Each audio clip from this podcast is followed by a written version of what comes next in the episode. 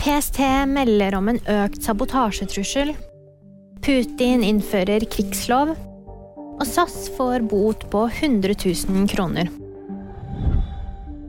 PST melder om en økt sabotasjetrussel fra Russland.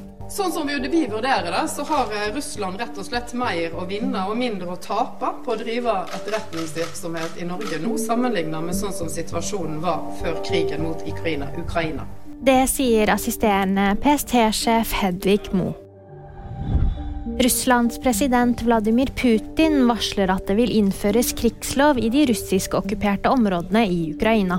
Det melder nyhetsbyrået Reuters. Dette betyr at de bytter ut sivilt styre med militært styre. Krigsloven gjelder områdene Kherson, Zaporizjzja, Luhansk og Donetsk. Luftfartstilsynet gir SAS en bot på 100 000 kroner for manglende refusjoner etter streiken i sommer. De vil få en ny, høyere bot hver tiende dag hvis tilsynet ikke er fornøyd med informasjonen de får. Sommerens pilotstreik påvirker 370 000 passasjerer. Og VG-nyhetene de fikk da meg, Tremont Britt Gahr.